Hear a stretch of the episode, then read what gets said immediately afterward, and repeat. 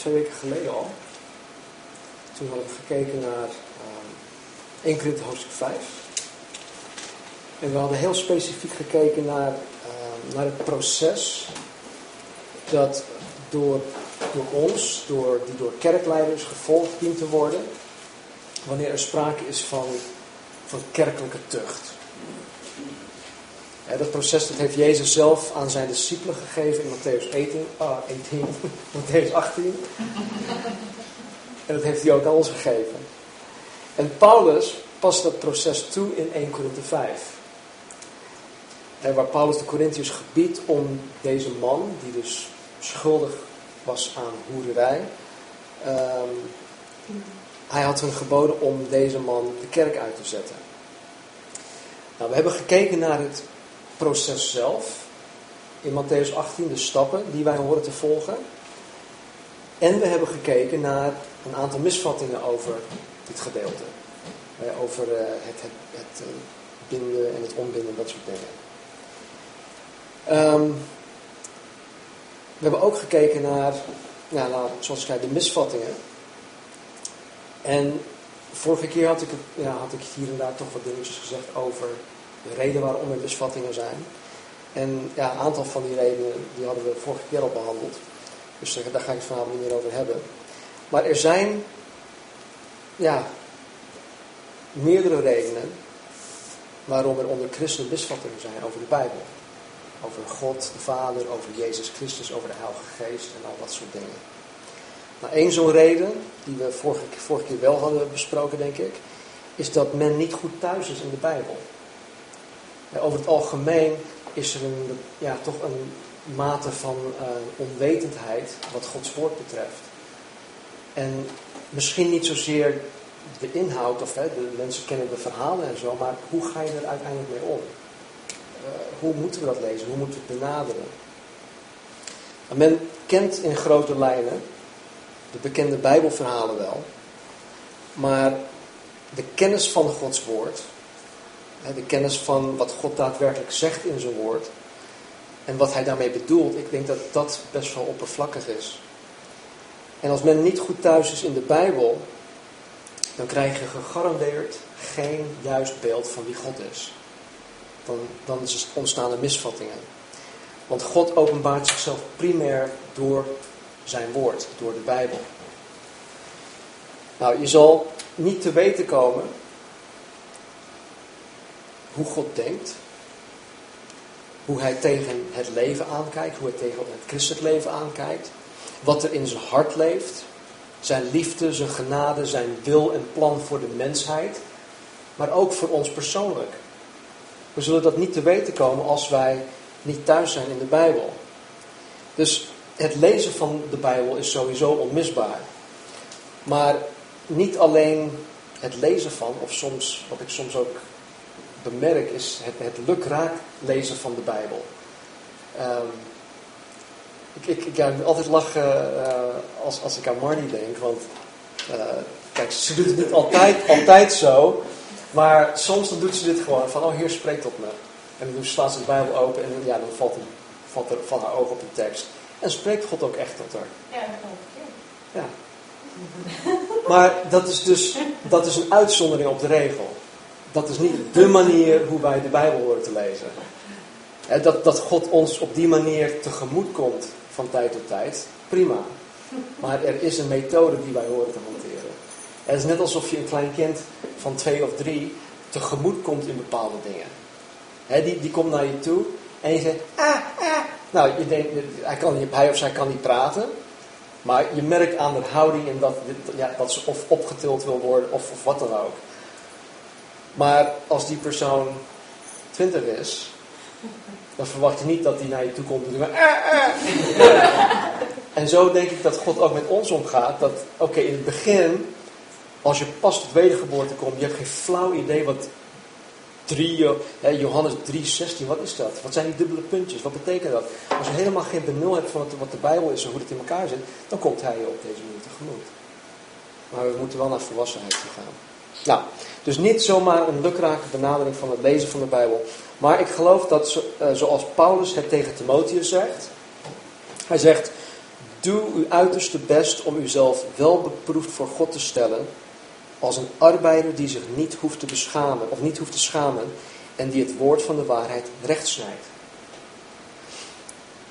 Nou, twee weken geleden had ik gezegd dat um, er een aantal essentiële basisprincipes zijn voor het rechtsnijden van de Bijbel.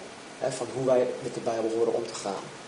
Nou, één zo'n basisprincipe is dat wij alles in de Bijbel in zijn context moeten lezen. Het dus dingen niet uit de context halen, maar gewoon in de context lezen waarin het geschreven staat. Nou, we hebben als praktijkvoorbeeld in Matthäus 18 gezien dat het binden en ontbinden hè, van zaken hier op aarde en, in de hemel, dat um, dat, dat in, de, in de context, dat, dat Jezus dat aan ons in de context van kerkelijke tucht heeft gegeven. Hij had het heel specifiek in, in die verse over kerkelijke tucht. Dus het binden en ontbinden van zaken hier op aarde en de hemel, dat is in die context. En in die context moeten we dat ook lezen.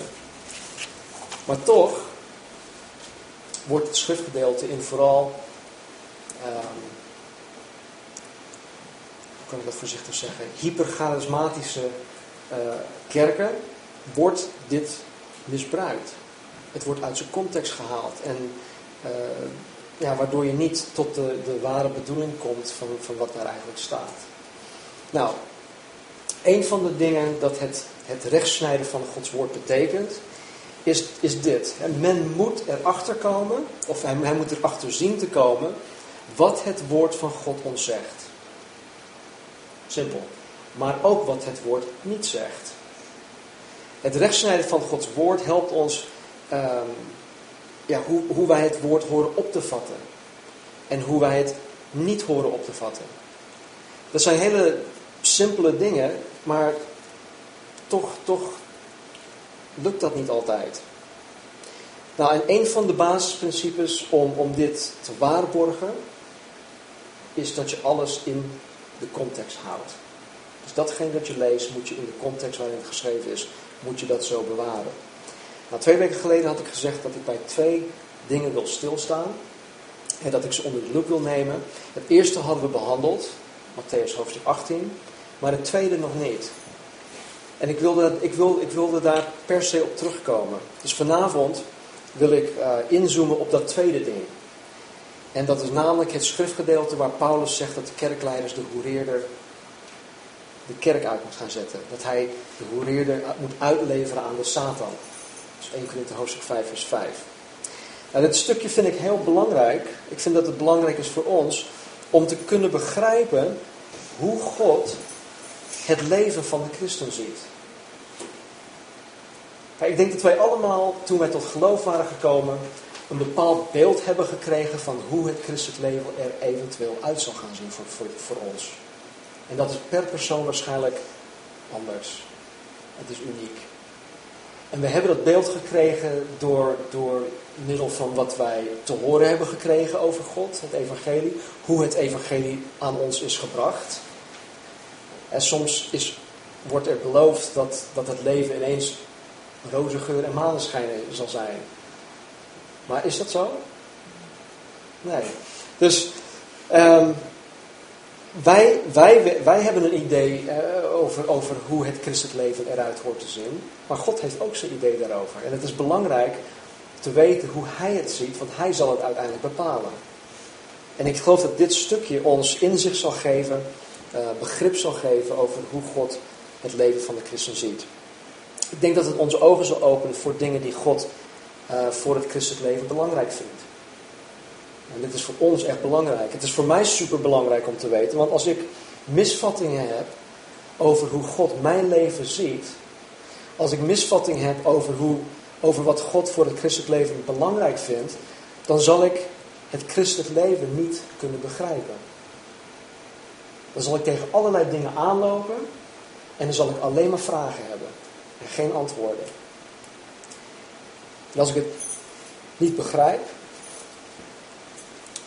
als ik tegen die dingen aanloop en dan geen antwoorden krijg op de vragen, dan zal ik grotendeels gefrustreerd en mogelijk ook ellendig door het christelijk leven heen gaan. En dat is niet de bedoeling. Dus vanavond nemen we een, soort close-up kijkje naar 1 Korinthe 5, 5 en we zullen tegelijkertijd een tweede basisprincipe gaan aan, uh, toepassen.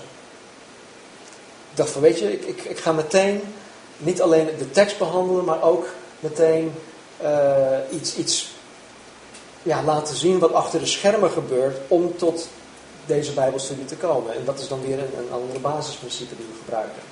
En het tweede basisprincipe is dit. Is dat je de schrift, of dat de schrift, de Bijbel, de schrift interpreteert. De schrift interpreteert de schrift. Met andere woorden, we vergelijken één schriftgedeelte met een ander om zo tot een juiste interpretatie of een opvatting te komen van wat er staat. We horen niet bijbelteksten gewoon geïsoleerd te pakken en daar een doctrine of een leerstelling omheen te, te bouwen. Maar we moeten alles in de, in de bredere context van de Bijbel zien, maar ook gewoon vergelijken met andere bijbelteksten. Die ook in dezelfde context geschreven staan en die ook gewoon duidelijk, uh, waar, waar er duidelijke overeenkomsten zijn. Maar God heeft de belangrijke leerstellingen in de Bijbel niet op één enkele plaats neergezet. En bijvoorbeeld um, leerstelling van um, um, rechtvaardiging door geloof. Dat wij gerechtvaardigd worden door ons geloof in God. Het staat op meerdere plaatsen. Het staat in het Oude Testament, het staat in het Nieuwe Testament. En het Nieuw Testament refereert steeds weer terug aan het Oud Testament. Paulus maakt, uh, refereert terug aan Abraham. Dat door geloof hij gerechtvaardigd is. Ondanks dat hij niet eens wist wat dat was. Maar hij geloofde in God en God had het, had het hem toegerekend. Dus die, die, die leerstellingen die God ons geeft, die staan niet gewoon er, ergens los van, van, van de rest. Het, het, het is allemaal verwoven. En dat, zeg ik dat goed? Schattig. Schattig. Is dat geen woord dan? Nee, nee, nee? dat kan echt niet. Nee. Leuk. Jullie weten wat ik bedoel? Ja. Oké. Wat is het juiste woord dan? Verweven. Het is verweven? Met elkaar. Dat is nog niet verleden tijd, verweven. Ja? Oké, sorry. Oké, dit moet ik even even daar halen straks. Verboven. Eh, Oké. En zo wordt de Nederlandse taal nieuw. Ja.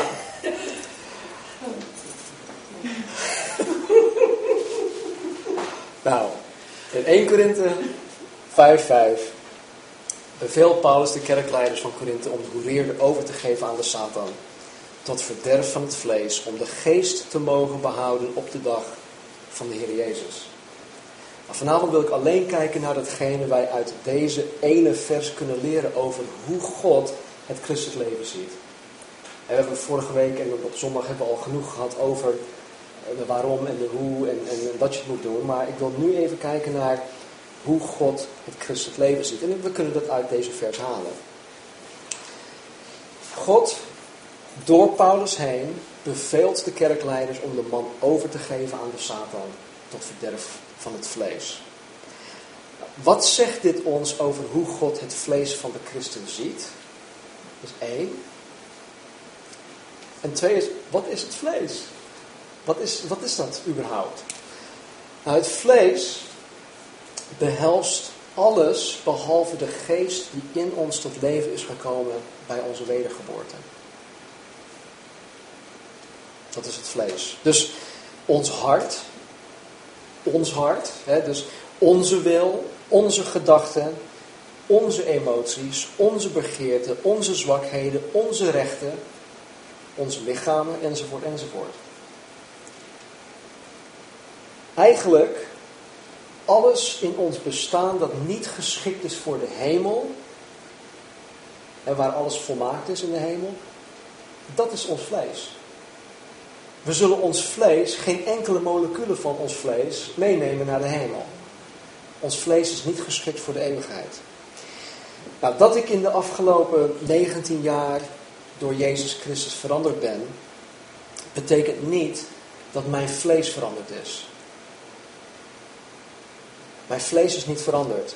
Mijn vlees is vandaag de dag net zoveel in opstand tegen God als op de dag dat ik wedergeboren werd. Mijn vlees zal nooit heilig en rechtvaardig worden. Romeinen 18 of 7 vers 18, Paulus zegt dit. Ik weet dat in mij, dat in mijn vlees niets goeds woont.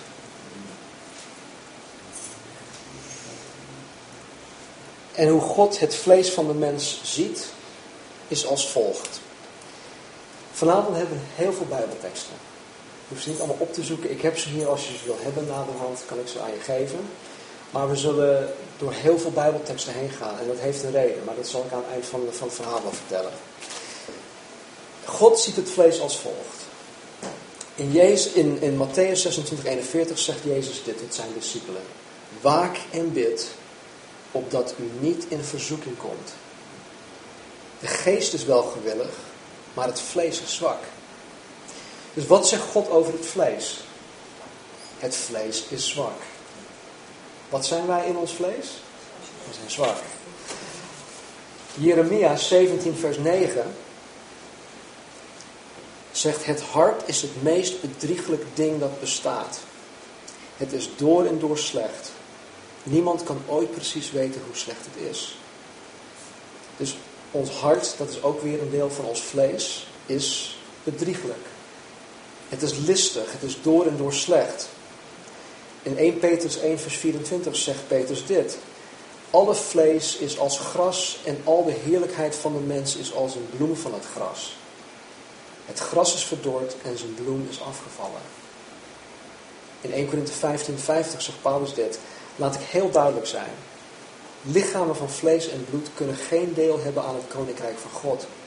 Onze vergankelijke lichamen kunnen niet altijd blijven leven. Het vlees is dus van tijdelijke aard. Paulus noemt ons, ons lichaam een tent. Wij Nederlanders houden toch van kamperen? Nou, nee.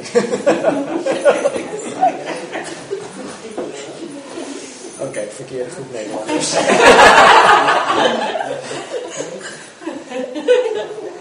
nou, alle, alle campings en zo, die, uh, die, ja, die bewijzen het tegendeel. Dus, uh, ja, oké. Okay, ja. Oké. Okay. ja, oké. Okay. Goed. Sommige mensen houden van kamperen. En als je gaat kamperen, dan, dan neem je bepaalde dingen mee. Je neemt je tent mee of je, je vouwwagen. Maar alles wat je meeneemt is, is, is met de gedachte dat je daar tijdelijk gaat verblijven. je neemt je koelkast niet mee, of je, of je big screen tv, of je bankstel. je hebt natuurlijk wel kleine dingetjes, maar het is allemaal voor, voor tijdelijk verblijf. Nou, Paulus zegt dan ook, hij noemt ons lichaam een tent. En dat geeft aan dat het tijdelijk is. Uh, ons aards bestaan is tijdelijk. Het is van tijdelijke aard. Het is vergankelijk.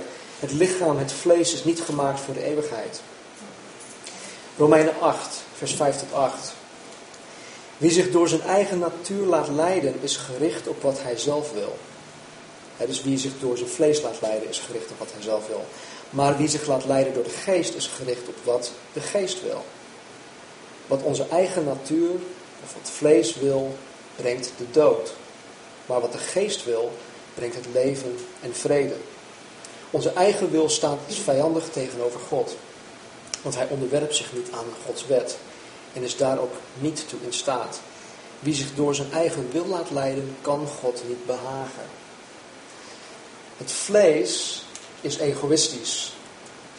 De begeerte van het vlees leidt tot de dood. Het vlees staat vijandig tegenover God. Het onderwerpt zich niet aan God.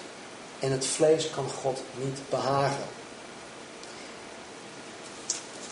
In Galaten 5, um, vers 17, staat: Want wat onze zelfzucht verlangt, is strijdig met wat de geest verlangt. En omgekeerd. Ze zijn elkaars vijanden. Even hoor.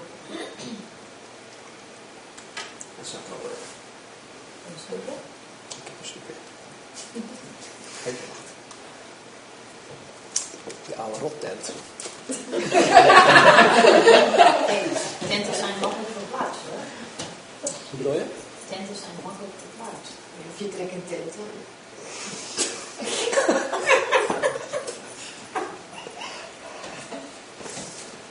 Gelaten 5. Want wat onze zelfzucht verlangt, of wat ons vlees verlangt, is strijdig met wat de geest verlangt. En omgekeerd, ze zijn elkaars vijanden. Dus ons vlees en de geest die in ons woont, die zijn continu in conflict met elkaar. Ze zijn vijanden van elkaar. Dus wanneer Paulus de kerkleiders van Korinthe beveelt om de hoereerden over te geven aan de Satan, tot verderf van het vlees, dat, dat is geen gek idee. Het klinkt op eerste gezicht misschien heel erg radicaal, onliefdevol. Want wie zet nou maar eh, zomaar iemand uit de kerk? Dus het lijkt misschien voor, voor, voor mensen die, ja, die, die het fijnere er niet van weten, misschien heel on, on, onchristelijk, oneerlijk, onliefdevol. Maar God weet dat het vlees is wat het is. Hij weet het. En God hecht er blijkbaar veel minder waarde aan dan wij mensen. Ja, aan ons vlees. Wij mensen, wij christenen, koesteren ons vlees. Om maar een voorbeeld te noemen. Wij staan liever een uurtje of meer later op dan dat wij ochtends vroeg de Heer gaan zoeken in gebed. Toch? Of niet? Laten we eerlijk zijn. Ik wil liever lekker iets langer lekker slapen. Dus wij koesteren ons vlees. Ik, ik, zie dit, ik zie dit ook op de zondagochtend. Mensen staan liever in het vlees gezellig te kletsen dan dat zij in de geest in de bres staan in gebed. Het, het is gewoon zo. En ik, ik, wijs geen vingers of zo, maar kijk maar, aanstaande zondag, let maar op. Hoeveel mensen in die gebedsruimte zitten en hoeveel mensen buiten staan in de gang of in, in de zaal te, te fellowshippen. Dus wij vinden het veel ja, leuker om met elkaar te praten dan, dan in de geest uh, te strijden. Het is gewoon zo. Dus dat God het vlees van deze man in Korinthe tot verderf wil laten komen, is vanuit, vanuit Gods oogpunt heel logisch. Het vlees heeft voor God geen enkele, geen enkele eeuwig blijvende waarde. Ik wil niet zeggen dat het geen waarde heeft, want zonder mijn vlees ben ik hier ook niet. Hè? Dan kan ik ook geen getuige zijn. En God houdt van mij. En waar Hij mij kan helpen om het leven hier iets gemakkelijker te maken of mij tegemoet komen in bepaalde dingen, en dan doet Hij dat. Maar het vlees heeft geen enkele eeuwig blijvende waarde. En deze waarheid is voor ons echt belangrijk om ons eigen te maken. Wij moeten, door, we, ja, we moeten het echt doorkrijgen dat God het vlees niet de prioriteit geeft in ons leven. En waarom moeten we dit ons eigen maken? Want in het christelijk leven zijn wij niet vrijgesteld tegen de, de tegenslagen, de teleurstellingen, de ellende, het verdriet, ziekte, het lijden dat wij in ons vlees te verduren krijgen en al dat soort dingen. We hebben geen vrijstelling van deze dingen. En als wij sommigen moeten geloven, dan is het leven in het vlees alle, of, ja, eigenlijk alles waar het om gaat, waar het om draait. Sommigen beweren dat het, het leven hier op aarde alles is. En daar draait het om. Ik heb het over de wereld, maar ook onder het, in, in, in het christendom wordt er een hele andere evangelie gepredikt. Een welvaartsevangelie. Wat geen evangelie is. En die, die, die, die raken mensen op het vlak van het vlees. Ze strelen het vlees van de mensen. En ze zeggen, als jij God dient en als je zaait, dan zal je ook oogsten. 30, 60, 100 fout. Je moet zaaien. Ja, wat willen ze hebben? Ze willen dat je dokken, dat je gaat dokken, dat je betaalt. Maar goed, het is een heel ander verhaal. Vanuit Gods oogpunt is er een hoger doel. Er is een hoger doel bij God. De Corinthiërs moeten de man overgeven aan de Satan tot verderf van het vlees. Waarom? Hierom. Om de geest te mogen behouden op de dag van de Heer Jezus. Gods uiteindelijk doel met de christen is om hem of haar voor de eeuwigheid te behouden. God ziet het leven van de christen vanuit een eeuwigheidsperspectief. Hij ziet het niet zoals wij dat zien, heel beperkt, van dag tot dag, moment tot moment. Hij ziet het begin van ons leven en hij ziet het eind van ons leven en hij ziet nog verder dan het eind van ons leven hier op aarde. Bij God draait alles om het hiernamaals. Wat de eindbestemming is van de mens. En God wil dat vooral de zijne voor eeuwig met hem zal zijn in het koninkrijk van God. Dat is Gods verlangen. In 1 Johannes 2, vers 15 tot 17, zegt Johannes dit. Houd niet van de zondige wereld en van wat die te bieden heeft. Want als u van de wereld houdt, blijkt daaruit dat u de liefde van de Vader hebt afgewezen. Alles wat van de wereld is, de zondige begeerte, de hebzucht en hoogmoed die door macht en bezit ontstaat, is er niet door de Vader, maar door de wereld. Aan de wereld en haar zondige begeerte komt een einde. Maar wie doet wat God wil, zal eeuwig blijven leven. Jezus zegt in Matthäus 6, vers 19 tot 21, Verzamel op aarde geen kostbaarheden, want die vergaan of worden gestolen. U kunt beter kostbaarheden in de hemel verzamelen. Die zullen nooit vergaan en nooit worden gestolen. Als uw rijkdom in de hemel ligt, zal uw hart daar ook naar uitgaan. In Colossense 3, vers 1 tot 4. Nu u met Christus bent opgestaan uit de dood, moet u zich bezighouden met hemelse zaken. Want Christus zit daar nu op de allerhoogste plaats aan de rechterhand van God. Richt daarom uw gedachten op de dingen van de hemel en niet op die van de aarde. U bent immers al gestorven en uw leven is nu samen met Christus verborgen in God. Eens wanneer Christus, die ons leven is, zichtbaar voor iedereen zal terugkomen, zal blijken dat ook u deel hebt aan zijn glorierijke macht. 2 Korinthe 4, 14 tot 18. Wij weten dat dezelfde God die de Heer Jezus weer levend gemaakt heeft, ons ook samen met Hem weer levend zal maken en met u voor zich zal zetten. Want dit is allemaal ter wille van u. Hoe meer mensen voor Christus gewonnen worden, hoe meer mensen God voor zijn grote genade zullen danken en prijzen. Daarom geven wij het niet op. Hoewel ons lichaam zwakker wordt, wordt onze innerlijke kracht met de dag groter. Onze moeilijkheden en pijn zijn uiteindelijk niet zo groot en zullen ook niet zo lang duren. Maar het gevolg ervan is dat wij voor altijd in Gods heerlijke nabijheid zullen leven. Dus kijken wij niet naar wat zich voor onze ogen afspeelt, naar de moeilijkheden om ons heen, maar wij kijken uit naar de blijdschap die ons wacht. Al zien wij die nu nog niet, alle zichtbare dingen zijn tijdelijk, maar de dingen die nu nog niet zichtbaar zijn, zullen eeuwig blijven. Um, ja, nog eentje. Romeinen 8, 18. Paulus zegt, ik ben ervan overtuigd dat het lijden van de tegenwoordige tijd niet opweegt tegen de heerlijkheid die aan ons geopenbaard zal worden. Dus als het christelijk leven bij God uiteindelijk om de eeuwigheid draait, als God de eeuwigheid altijd voor ogen heeft, moeten wij ons dan nog zo druk maken over ons tijdelijk bestaan hier op aarde? Nou, ik geloof aan de andere kant niet dat wij zo zweverig moeten zijn, of dat wij zo gericht moeten zijn op de eeuwigheid, dat wij in dit leven onze effectiviteit verliezen. Want dat is weer het andere extreem.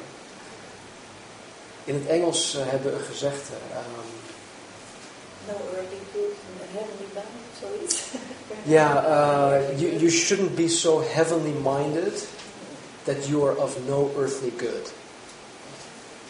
Dus dat je met, je met je hoofd in de wolken continu zit. En dat je alleen maar in de hemel zit en dat je hier op aarde helemaal niks waard bent. Want Jezus zei in, in Lucas 19:13 dat wij ons met Gods werk bezig moeten houden totdat Hij terugkomt. Er is een gelijkenis in Lucas 19. En waar het op neerkomt is, is dat. In het Engels staat er occupy till I come. En het woord occupy betekent wees bezig. Wees bezig met mijn zaken, mijn dingen. Nou, we hebben vanuit 1 Korinthe 5, 5 gezien en wat de Bijbel ons leert over het vlees. We hebben gezien hoe, hoe God het vlees van de christen ziet. En wat Gods uiteindelijke bedoeling is met de christen. En dit hebben we vanavond allemaal uit één vers kunnen halen. 1 Korinthe 5, 5. Nou, misschien vraag je jezelf af, ja maar hallo, als ik 1 vers, als ik 1 Korinthe vers 5, hoofdstuk 5 vers 5 lees, dan staat er die persoon over te geven aan de Satan tot verderf van het vlees om de geest te mogen behouden op de dag van de Heer Jezus.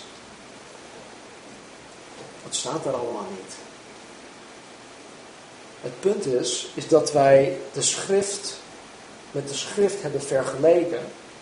En dat al die andere teksten dit ook, ehm, ja ik wil niet zeggen onderbouwen, maar het bevestigt wat hier staat.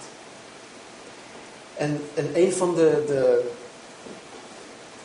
praktijkopdrachten die ik, ehm, die ik moest doen, of die wij moesten doen in onze School of Ministry, was dat je, ehm, je kreeg een bijbeltekst en voor, van die ene Bijbeltekst moest je, door middel van uh, het gebruik van deze basisprincipe, moest je uh, tussen de 10 en 20 verschillende uh, dingen zeggen over die tekst.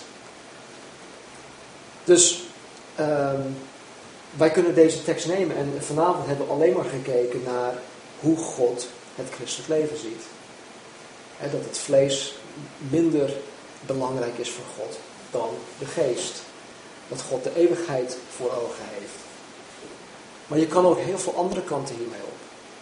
En daarom is, het God, daarom is Gods woord zo, zo ontzettend rijk, dat je nooit uitgeleerd zal zijn.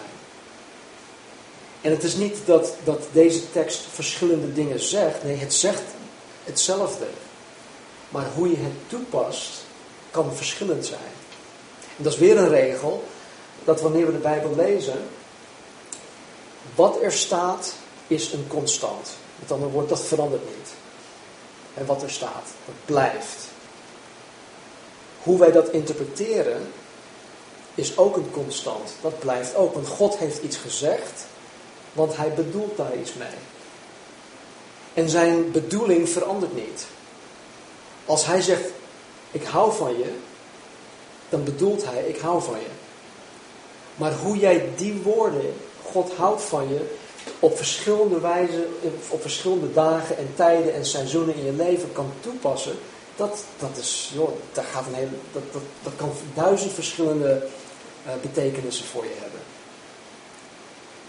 Dus het is belangrijk om te, om te weten wat er staat, wat God daarmee bedoelt. Die twee dingen die staan altijd vast, maar de toepassing van de tekst, dat kan, dat kan, je kan naar alle, alle kanten mee op.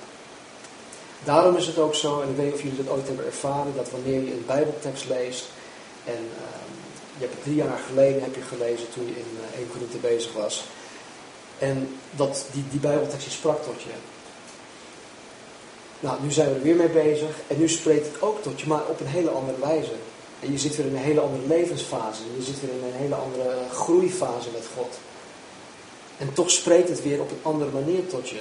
Wat daar staat en wat God daarmee bedoelt, is en blijft hetzelfde. Maar hoe Gods Heilige Geest het in jouw leven, in je hart toepast, is, is weer anders. Dus we zullen in dit leven nooit uitgeleerd zijn.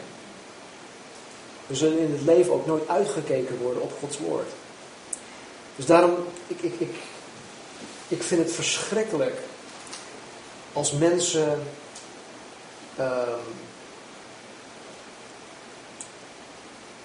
woorden van God najagen. Ik zoek naar een woord van God. Terwijl ze dit nog niet eens kennen. En ze zoeken extra bijbelse woorden of extra bijbelse verkondigingen of noem maar, noem maar op. God heeft zichzelf hierin geopenbaard. En de, de, de trouwe, de, de, de gedisciplineerde bijbelstudent, die zal, die zal zoveel rijkdommen hieruit putten. Kijk, we hebben vanavond een half uur over één vers gesproken. Nou, het kost moeite. Wat ik vorige week of twee weken geleden ook al zei. Als je, als je jezelf die vragen stelt. Hoe, wanneer, waarom, tegen wie en, en al dat soort dingen. Je bent er veel langer mee bezig, maar je haalt er ook veel meer uit. En je zal, je zal merken dat wanneer je je echt toelegt op, op het bestuderen van Gods woord, dat, dat er in één keer een, een, ja, een, een groei komt in je geestelijk leven. En dat God zich op die manier ook heel bijzonder aan je openbaart.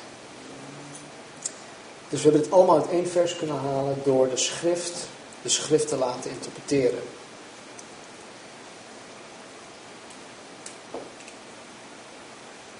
We zijn vanavond vroeg klaar. Laten we bidden. Vader, ik dank u voor uw woord. Ik dank u, Heer, dat u zo trouw bent om uzelf aan ons te openbaren. Heer, dat wij door 1 eh, Korinthe hoofdstuk 5 vers 5, Heer, die ene vers, hebben mogen zien, Heer, wat het vlees is. En dat het voor u geen eeuwigheidswaarde heeft. En dat u de prioriteit ook niet geeft, Heer, aan het koesteren of het, het strelen van ons vlees. We hebben gezien, Heer, hoe u tegen het vlees aankijkt. Hoe hoe u dat ziet. In het leven van de christen. En dat u zelfs, Heer, zo radicaal optreedt. Wanneer het gaat om de eeuwigheid. Heer, deze man in Korinthe. Zijn eeuwige behoudenis, Heer, was veel meer belangrijk dan zijn vleeselijk of lichamelijk gemak hier op aarde. En dus Heer, u heeft ervoor gezorgd dat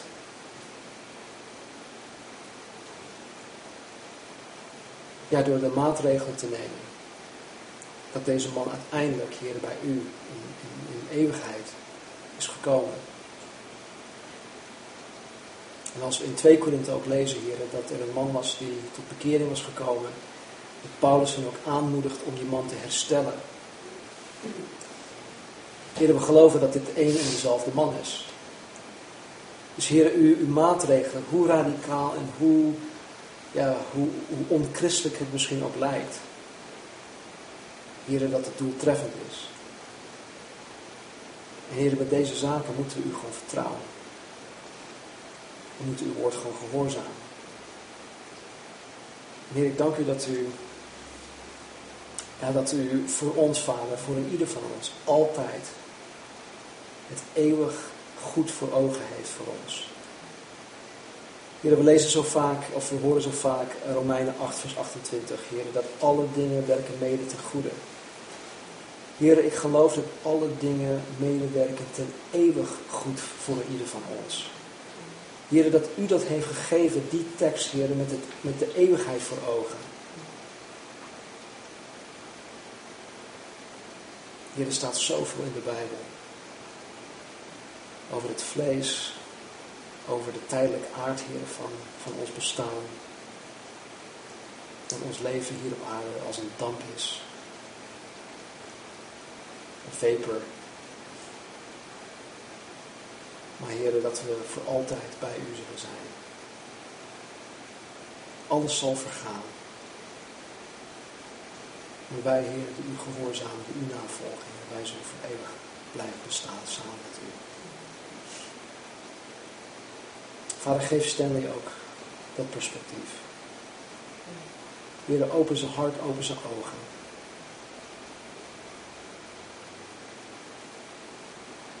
Heer, u weet precies hoe hem te bereiken. Maar Heer, ik weet ook dat u, uw wil, uw wegen, nooit zal opdringen.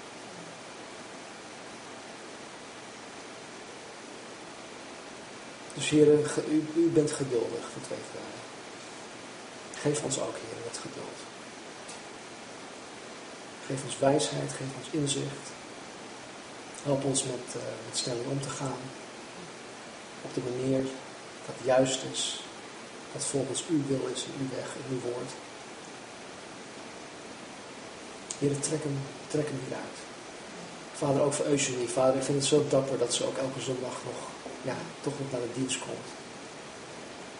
Hoe vermoeid en, en belast en bezwaard ze ook uitziet, Heer. Ze komt toch.